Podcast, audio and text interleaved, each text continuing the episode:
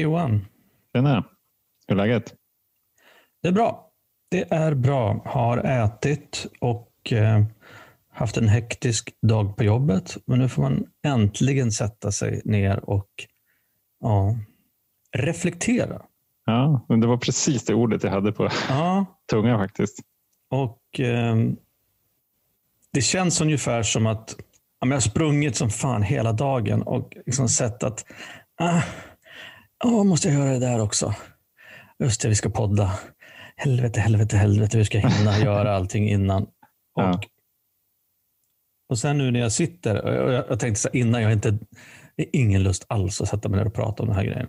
Men nu när vi har suttit här i ja, kanske fem minuter före mm. inspelning, känner jag redan att mm, fan, jag är på rätt plats ändå. och det är lite grann som att gå på tolvstegsmöten.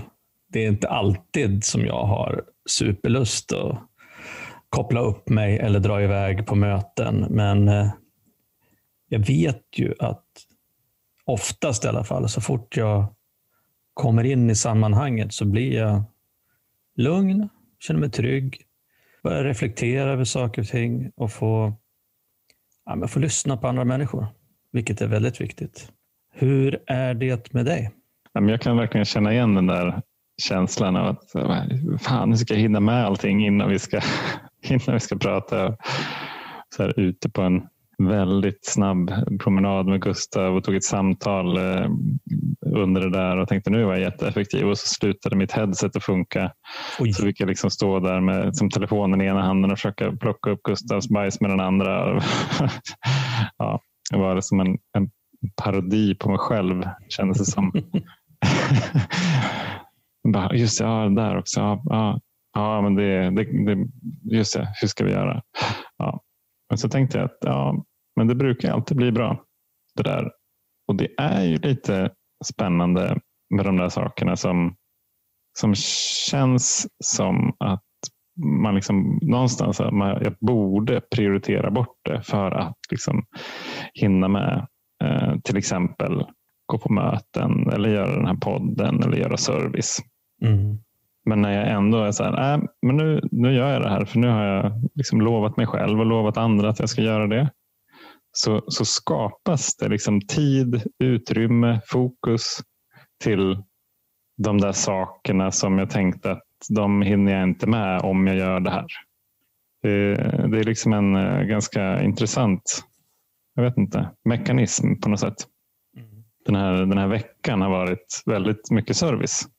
Ja, eh, både på liksom grupp i hemmagruppen och, och utanför. Och så krets, kretsmöten. Och eh, det, det har såklart också kommit och så här, oj, svin mycket att göra på jobbet. Men jag har lovat mig själv att så här, men jag, ska, jag ska hålla fast vid de här serviceuppdragen nu. Eh, dels för att jag har lovat, men för min egen skull. För att det är ju någonting som verkligen liksom håller mig nära programmet. Mm. Vem är jag att liksom säga ja till ett serviceuppdrag och sen bara, nej, men jag måste prioritera bort det. Jag vill inte vara den personen. Nej, det där är, det där är spännande på, på många plan tycker jag. Jag, menar, jag. jag började gå på möten i vår hemmagrupp för fyra år sedan nu. Mm. Eh, flyttade ju till Stockholm på heltid då. Och jag tror att i princip så har jag gjort service hela tiden sedan dess. Mm. Mest i hemmagruppen, men också på andra nivåer inom uh, vår tolvstegsgemenskap. Och jag tänker på det här med service. Alltså jag vet inte vad det är med mig och service. Att jag känner att jag vill göra service, behöver göra service, måste göra service. Jag tycker om att göra service på alla olika nivåer. Öppna, stänga möten, koka kaffe, mm. ha hand om litteratur eller eh, ja, serviceuppdrag och andra, andra saker. Och nu har jag på senare tid, har jag, ja, sen i höstas, så har jag gjort service på lite mer central nivå när det handlar om information och kommunikation och sådana saker. Och det är jättespännande. Men då när jag började göra mer central service i höstas så fick jag ju rekommendationen att kanske kliva av det serviceuppdraget som jag hade då, det som du tog över. Mm i september eller oktober när det var. Men det var ju bara, det var ju här i februari, mars, februari eller mars så tog jag ju ett nytt serviceuppdrag ändå i Mm. hemmagruppen. Du kunde inte hålla dig borta. Nej, jag kunde inte hålla mig borta. Och, alltså det där är ju någonting. Um, jag tycker service för mig idag, efter lång tids nykterhet, handlar väldigt mycket för mig om att, eh, att jag vill göra det jag kan för att eh, se till att eh, ja, men den tolvstegsgruppen och den tolvstegsgemenskapen som jag tillhör, att gruppen och gemenskapen får så bra förutsättningar som möjligt för att kunna liksom göra det den ska. Det vill säga föra budskapet vidare eh, till den alkoholist eller, eller missbrukare som, som fortfarande lider. Det vill säga ta emot nykomlingar. Mm. Och eh, ju, Jag tänker så att det finns olika mantlar att axla inom tolvstegsgemenskapen eller roller att ta. Och det här, vi har varit in på det här lite grann förut. Alltså, väl, många är väldigt bra på att sponsra en till en. Kan sponsra många eh, nykomlingar och många medlemmar.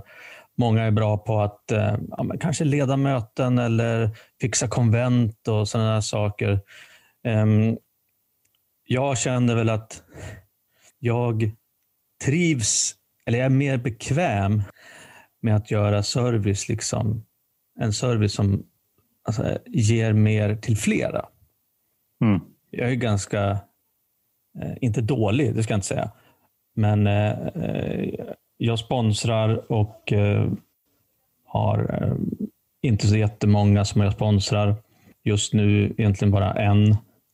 Eh, och, men jag tycker att, att jag kan göra, jag kan ge tillbaka liksom på andra sätt än att liksom kanske göra det en till en. Och ibland så tänker jag på det här så tycker jag så här att ja, fast du Roger, du borde, du borde liksom sponsra mer. Du borde ta mer ansvar för nykomlingen direkt. Liksom, och, och så här ansikte mot ansikte. Ja, det kanske jag borde. Men samtidigt så är det väl ganska smart att jag gör någonting som jag tycker om att göra och som också ger någonting tillbaka till gemenskapen. Istället Mm. för att inte göra någonting. Ja, men jag tänker också att alltså, alla vi har ju våra liksom, fallenheter för saker och ting och det som vi är duktiga på och intresserade av. Och alla de där olika behövs ju Ja. för en, liksom en stark levande gemenskap. Det är egentligen inte konstigare än, alltså jag tänker väldigt mycket utifrån liksom företagsvärlden, det organisatoriska perspektivet. Det tycker jag är grymt intressant. Jag menar, alla i en organisation kan ju inte göra samma sak. Det finns ju några som behöver ha något form av strategiskt perspektiv, kolla på liksom systemet i sin helhet, eh, förstå vilka olika roller som behövs kanske och andra som är mycket mer operativa och gillar det. Och så kan man pendla däremellan. Lite beroende på. Jag tänker på när du pratar om det här, att ja, det låter ju rimligt och så är det ju. Det som är så häftigt med tolvstegsgemenskaper är att det sitter ett gäng sjuka människor. Alkisar, knarkare, eh, missbrukare som löser det här själva. Ja, Utan att det finns någon chef som säger åt dem, eller säger åt oss vad Ja. vi ska göra och hur vi ska göra det. Det finns ju förstås eh, alltså en del råd och rekommendationer och riktlinjer för service. Men, men det som är så roligt tycker jag, så här, och jag har inte tänkt på det så jättemycket, men det är liksom att det blir att just den här servicedelen är ju självreglerande. Det är inte så att vi rekryterar folk till olika, alltså olika människor som har olika fallenhet till olika serviceposter. Utan det liksom Nej. fylls ju på och sen roteras det ut. Mm. Det är också en viktig princip. Ja, Ju. Alltså rotationsprincipen att, eh, att man inte ska ha samma serviceuppdrag för länge. Helt enkelt för att det inte ska handla om det, det, det är princip, inte person.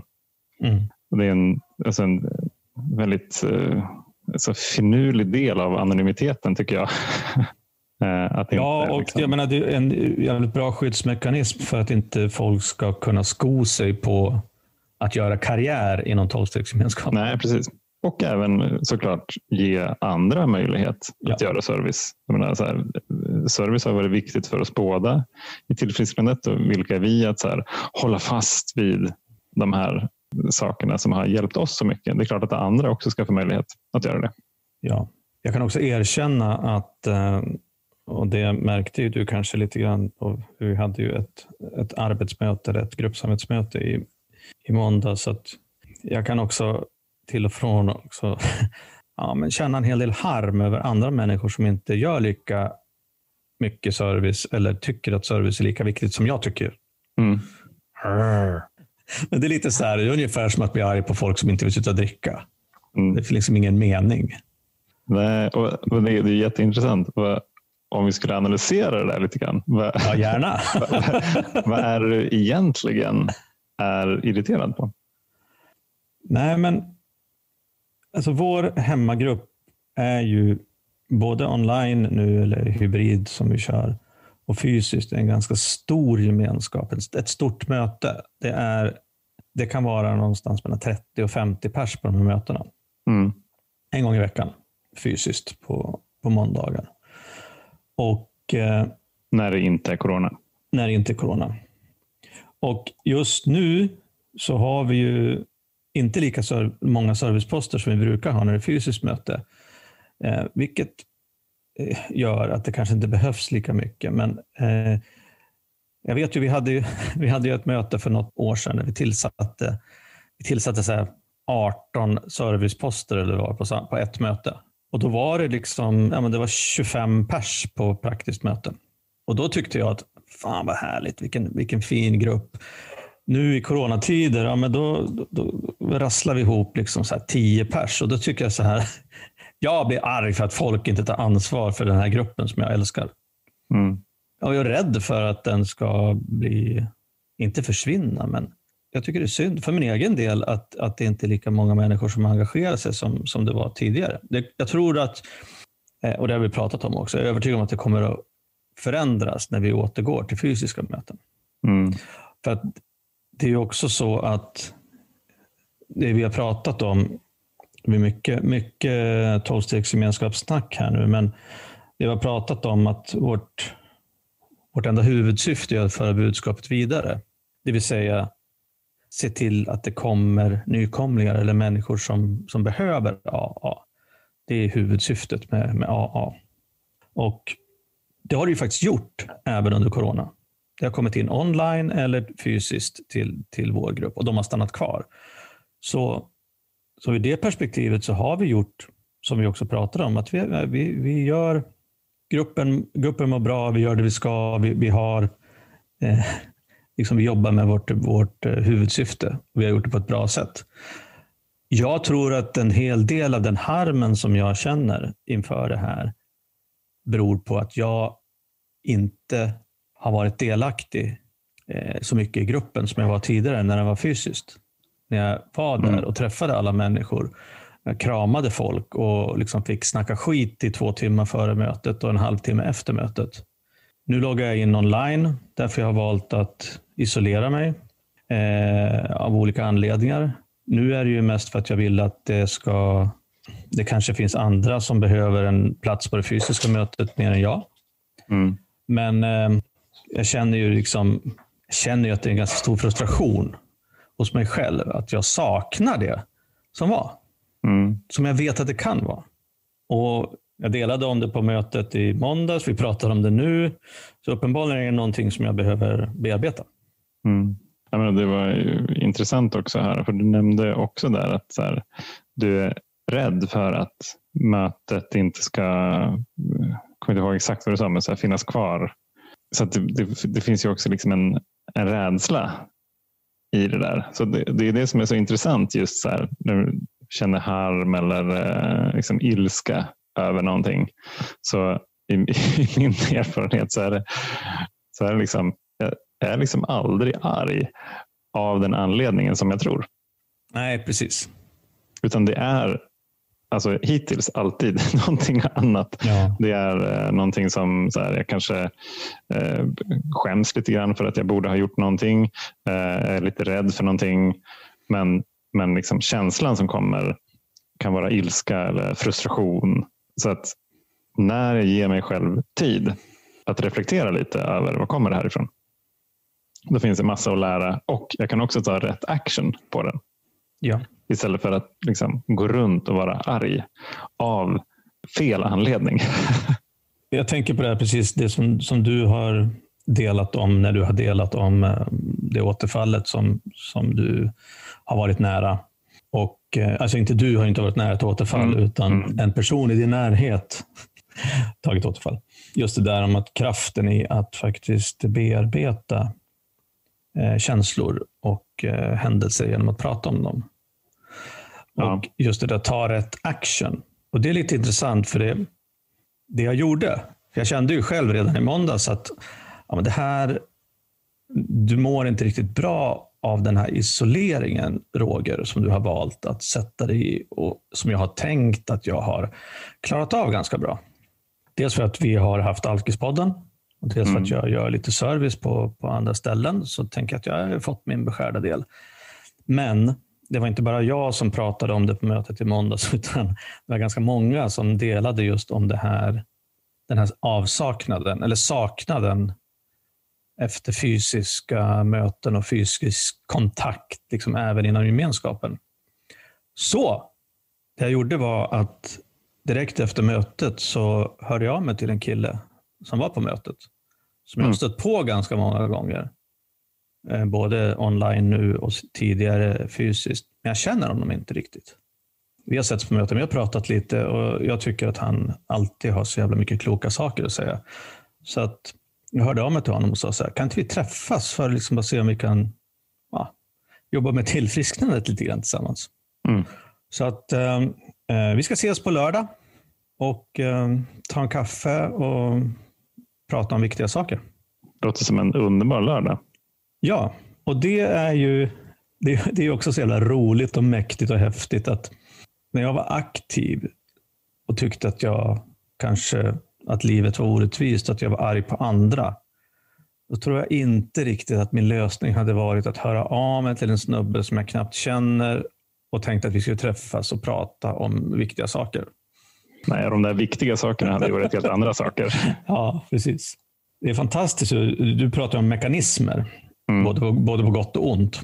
Men just att de här eh, mötena, gemenskapen, eh, stegen har ju fått liksom helt andra sunda spännande mekanismer att vakna till liv liksom hos mig. Att jag gör helt annorlunda idag. Mm. Ibland kanske också helt annorlunda än jag egentligen tänker mig att jag ska göra. Så att det är ju fantastiskt. Resan fortsätter, tänker jag. Mm.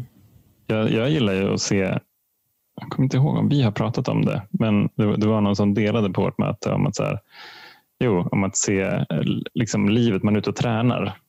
Och Sen så kommer man tillbaka till mötena och så berättar man om hur det var. Och liksom delar och får liksom, kanske både skratta och gråta tillsammans eh, kring galna saker som man, som man gör och man har gjort fel och sådär. Men just att se livet som, ja, men jag, säger, jag övar på det och jag lär mig någonting hela tiden. Mm. Andra sidan av myntet på den där, på, liksom ett, annat, ett annat perspektiv blir ju då alltid så här, vad kan jag lära mig av den här situationen? Mm. Och med den inställningen, inte för att jag alltid har den, jag har den för sällan tycker jag själv, men när jag väl har den, då, då har jag liksom ingenting att vara rädd för i någon situation överhuvudtaget. Nej. Och det som, det som jag också tycker är så fantastiskt, det var också en som delade om det i måndags. Just. Han, han uttryckte det så här att, att ja, men programmet och gemenskapen är den plattformen som han liksom bygger resten av sitt liv på. Mm. Och Ibland så tänker jag så här att ja, men folk som lyssnar på oss, de kanske, de kanske tänker att vi, vi lever våra vanliga hektiska liv. De som vi har. Och Sen så har vi liksom programmet och gemenskapen där liksom som en jävla hobby. Mm, ja, just det. Nej, precis. eller sån fritidsaktivitet eller ja, men ett skönt gäng, ungefär som man har herrmiddagar eller, eller golfgänget eller vad det nu är. Mm. Som man snackar med och umgås med. Eller att man, man lär sig att ta eh, körkort eller flygcert eller vad det nu är. Alltså det, ibland så tror jag att jag själv tänker att det är så. Mm. Att det där ja, men de där mötena de där människorna, liksom, de, är där, de är där som någon jävla extracurricular activity. Någon sån tillval, elevens val. Liksom. Ja, exakt. Som man kan göra. Man, man får inget betyg, men, men det är bra. De tar närvaro. Liksom. Mm. Men det är ju, jag håller ju med till 100 procent som den där killen, det han sa. Liksom. För att om inte jag, vi har pratat om det här förut också, om inte jag har det här programmet och gemenskapen och stegen och eh, det här eh, sättet att leva eh, som grund eller plattform, då har jag ju ingenting av, av liksom resten av mitt liv efter ett tag. Om jag skiter mm. i att tillfriskna och går tillbaks att bli liksom en sjuk jävel. Oavsett höll jag på att säga, om jag dricker eller inte. För att alltså om, jag, om jag skulle sluta tillfriskna i tolvstegsprogrammet så skulle jag ha, få svårare och svårare, en ganska brant nedförsbacke, att hantera mitt liv helt enkelt. Mm. Och till slut skulle det inte gå. Nej, alltså menar, om, man, om man skulle göra ett jättehemskt experiment så skulle man göra det ungefär i stil med, så här, kommer du ihåg Super Size Me? Ja. Han som käkade på McDonalds tre gånger ja. per dag. eh, och göra det så här, okej, okay, här har vi en eh, här har vi en kille som idag är så tillfrisknande, nykter, alkoholist, har varit nykter i 13 år, gått på möten regelbundet, eh, bla bla bla, så här, jobbat i stegen. Nu ska han helt plötsligt sluta gå på möten. Han ska, han ska inte eh, ringa folk i programmet eller så här, ja, bara så här, börja nedmontera det där. Mm. Och eh, ja, Man kanske skulle göra någon form av så här, mätning där eh, innan man, liksom, man, man, man, klipper av. Och så här, hur nöjd är du med livet i allmänhet? och så här, Göra någon form av liksom, sinnesromätning, lyckomätning kanske. Och sen så trackar man det där under liksom, veckorna för att se liksom, hur, hur, eh, hur utvecklas det. Jag är ju väldigt nyfiken på resultatet men jag inser att det är ju en, en, en lek på liv och död. Verkligen. Alltså jag, tänker, jag tänker så här att med den erfarenheten jag har av att vara tillfrisknande nykter alkoholist i bagaget. Tror jag, om vi gjorde ett sånt här experiment, att jag skulle nog försöka på egen hand, jag vet inte hur lång tid det skulle gå, men liksom försöka att hålla uppe liksom samma, eh, ja, men samma nivå på sinnesromätningen mm. alltså själv. Men jag tror nog att jag ett, inte skulle lyckas speciellt bra. Eh, två, jag skulle nog börja må ganska dåligt alltså själv. Och om jag då inte har några verktyg för det, be om hjälp eller prata med någon i programmet eller dela om det, så skulle jag ju internalisera det här. Och då skulle ju liksom den jävla snöbollen sätta igång. Jag skulle må sämre och sämre och sämre. Mm, jag skulle förmodligen ljuga för folk hur jag mådde. Jag skulle försöka manipulera folk så att jag inte blev för stressad eller för, för liksom men känna mig orättvist behandlad på hemmafronten eller i mina relationer. Och jag skulle förmodligen sätta fokus på massa andra konstiga saker som, som eh, jag inte vet jag, alltså pengar eller resor eller eh, e-handel eller vad som helst. Liksom. Ganska raskt. Och sen inte, kanske inte se det eller våga erkänna det för mig själv eller ljuga för mig själv om att det var på väg åt helvete. Eller kanske inse att det var på väg åt helvete och då någonstans på den, eh, i den nedförsbacken tänka att ja, men då kan jag väl lika gärna dricka igen. Mm. Ja, precis. Det, det, är den där, det är den där spiralen. Den går antingen uppåt eller neråt. Den är, den är aldrig på en platå. Nej. Jag skulle vara ganska rädd faktiskt för att eh, gå in och göra en sån grej. Så det ska jag inte testa. Nej. Tänker jag. Eh, innan här, jag pratade med en vän i programmet och så reflekterade vi över han hade haft en, en stor eh, grej på jobbet. Eh, så pratade vi om här, hur svårt det kan vara att släppa taget. Och att så här, lita på sin högre kraft. När det är någonting som, är liksom, som känns extra viktigt. Mm. Också en mekanism som, som jag kan känna igen i alla fall är att ju viktigare någonting är för mig, desto svårare har jag att släppa taget om det. Jag känner att så här, men det här är så viktigt så att det här måste jag kontrollera. De här andra grejerna på sidan, det är fine. Det kan jag släppa taget om. Men det här, det, här, det, här, det vore oansvarigt av mig att släppa kontrollen på det här. Så det här måste jag kontrollera. Mm. Och varje gång jag gör det så blir det inte bra. Så att, så att liksom mekanismen borde, liksom, det borde vara tvärtom. Ju viktigare någonting är, desto, desto lättare borde det vara för mig att släppa taget om det. För att det är så viktigt så att liksom, en, jag är bara en person. Liksom. Jag kan inte kontrollera allt det där utan jag behöver ju hjälp. Och om jag inte släpper taget så får jag inte hjälpen. Nej, och alltså det, det, som, det som jag tänker på när du pratar om det här, det är just det där att det förväntade resultatet av den här viktiga grejen. Om jag försöker kontrollera, så det enda jag har att mäta mot, det är hur nära jag hamnar mitt förväntade resultat. Ja, precis. Men om jag släpper taget, då kanske resultatet blir liksom någonting helt annat mm. än det jag hade förväntat mig. Men kanske bättre. Och det, eh, jag har ju delat om i podden att jag har haft en del grejer som jag har försökt eh, som jag har ältat om som har med jobbet att göra och eh, som jag har bett om att släppa taget. Och eh, när jag har kommit tillbaka så har jag liksom tagit ett djupt andetag och så har jag liksom släppt taget om det här och så har jag jobbat med det där. Och nu så kommer det att bli en förändring på jobbet. Men inte alls den förändringen som jag hade förväntat mig. Nice. Utan en förändring som förmodligen är bättre. Mm. Eh, och det, just den här grejen som jag har ältat över de senaste ja, året är det nästan. Det, det har känts som liksom en av de här viktigaste grejerna för mig. Eller viktigaste, viktig, ja men den har varit viktig men, men också den som har stört mig mest. Mm. Att jag inte har haft kontroll över. Ja, just det.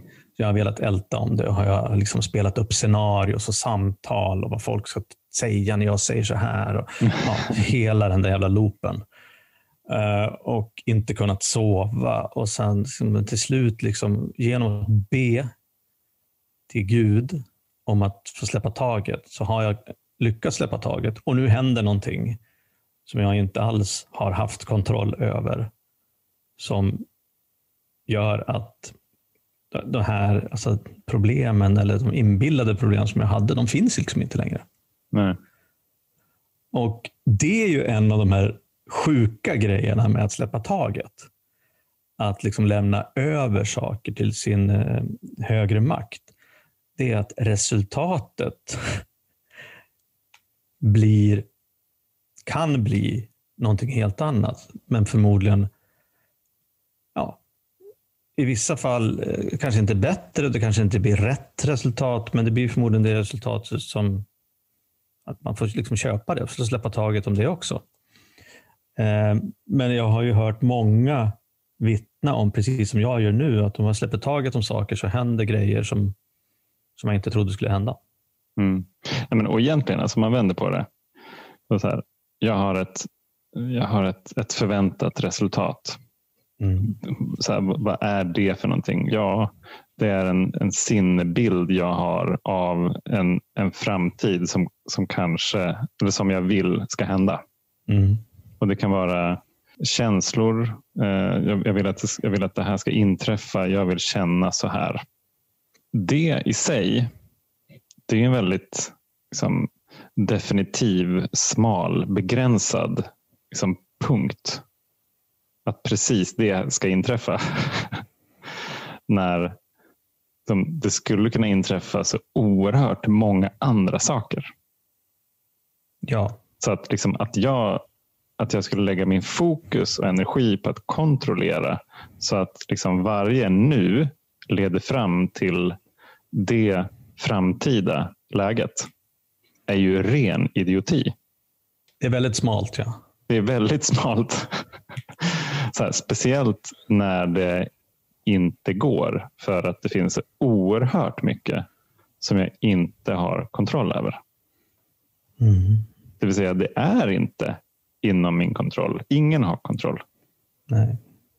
Det, det jag kan kontrollera däremot, det är ju mina förväntningar.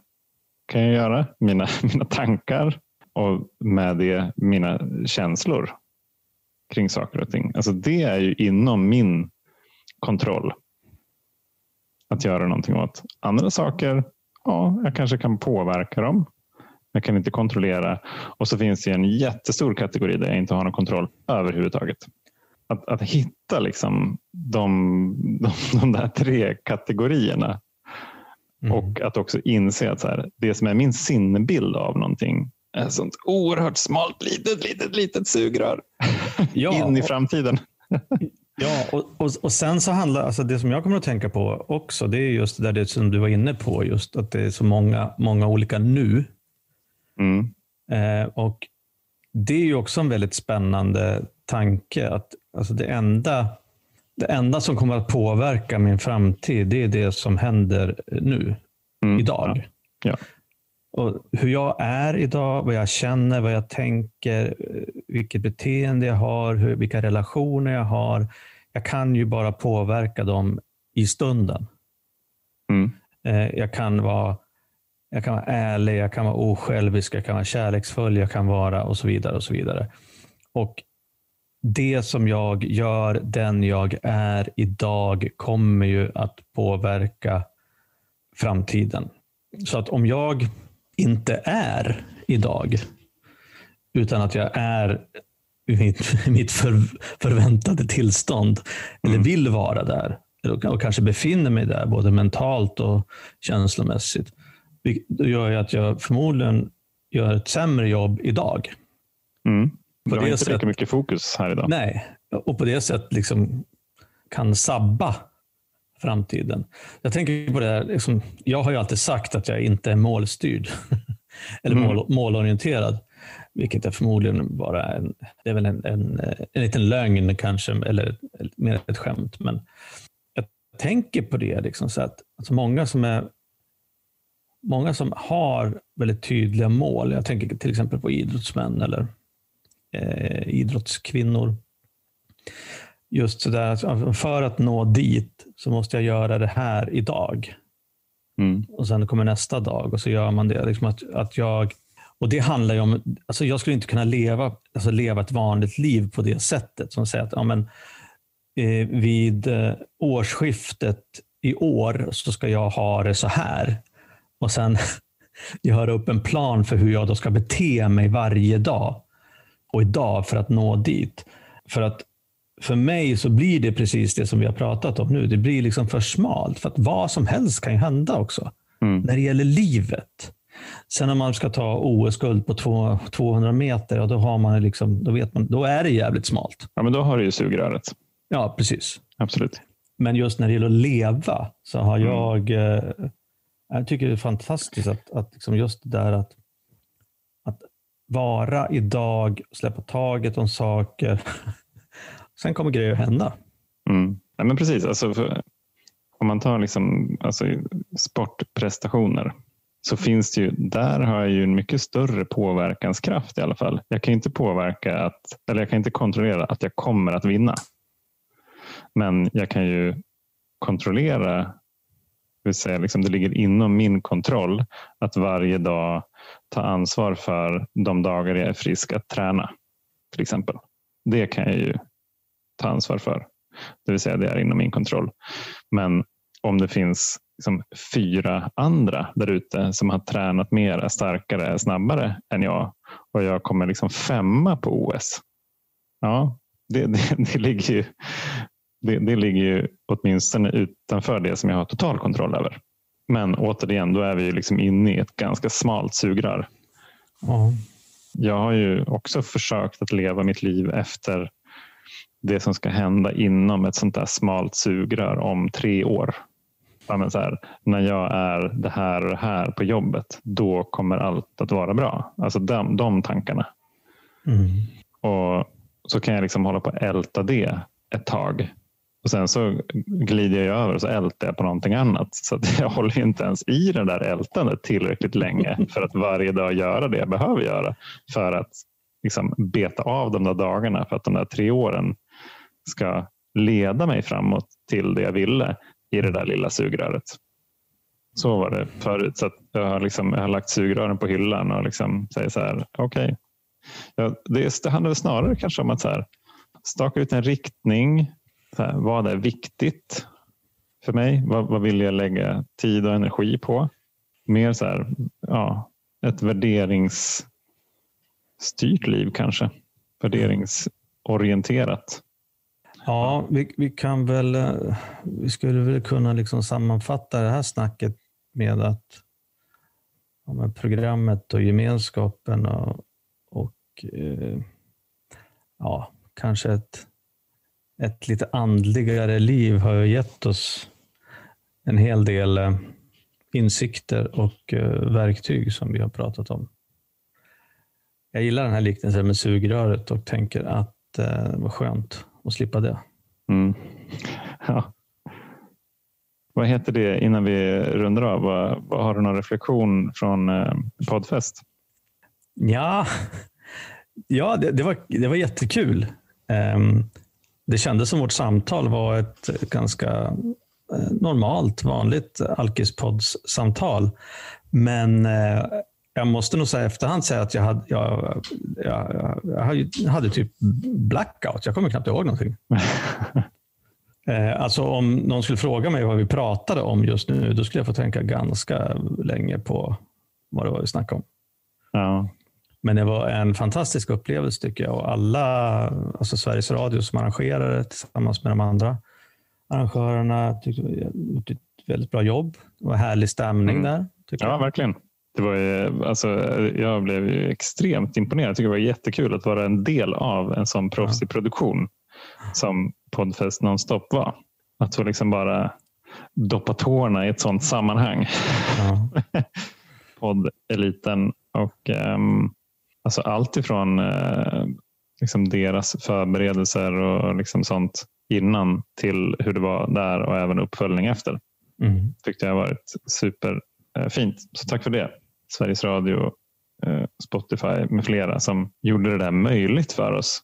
Det jag har reflekterat över Dels hade jag också en mini-blackout under själva, själva samtalet, men jag var också väldigt exalterad över faktiskt att vi fick möjlighet att ha ett fysiskt samtal. Ja. För det har ju inte vi haft på så här, 14 månader eller någonting. Alltså det, var, det är jättelänge sedan. Ja, så, faktiskt. så det var ju ja, det första samtalet på ja, så 50 avsnitt kanske. Fan vad galet. Och det är ju någonting annat att, liksom, att kunna sitta fysiskt i samma rum och kunna använda kroppsspråk. Inte för att ni märker det liksom, i, i podden, men, men ändå. Det, det, det, är, det ger extra dimensioner såklart till samtalet. Att få vara där fysiskt också. Det enda som jag inte riktigt har vågat mig på när det gäller poddfest, det är faktiskt att titta på Youtube. -klippet. Nej, jag har inte heller gjort det. Det är därför jag inte lagt upp det. På... Jag, menar, jag är så van, eller vi är vana nu att lyssna på oss själva, men att se sig själv, det tar nog, kommer nog ta tid. Det var ju väldigt kul här hemma. Elma och Josefina eh, eh, kollade ju på tvn. Och eh, Elma blev jätteglad när hon såg eh, mig framför allt i tvn och när det bara var du så började hon störtgråta. så fick några härliga bilder på liksom en en bölande ja. Elma framför en, en tv med Roger på. ja, hur kan jag vara så, så elak att jag liksom ja, trycker herregud. undan pappa från tv-skärmen? Ja, exakt. Exakt. Ja. Ja. Ni, ni, får prata ut om det där sen ja, vi ska, vi ska. när hon kan prata. Ja. Underbart. Vi, vi rundar av där tycker jag. Så ser vi fram emot några avsnitt här med spännande gäster. Mm som kommer. Mer info om, om detta. Men vi har i dagsläget tre bokade gäster. Mm. Varav två eh, tjejer och en kille. Mm. Så att, eh, det här ser vi väldigt mycket fram emot. Ja, det ska bli jättekul. Och eh, tack igen för alla tips om gäster och teman och så där. Fortsätt mejla oss på alkispodden.gmail.com så svarar vi så fort det bara går. Och ibland går det fort, ibland går det långsamt. Men vi svarar alltid. Jag känner att den här, den, nu, har det tagit, nu har det tagit lite för lång tid faktiskt. Men eh, det löser vi. Trevlig helg Roger och trevlig helg allihopa där ute. Ja, detsamma Johan. Och mm. eh, ta hand om er så hörs vi. Ha det bra. Ciao. Hej då.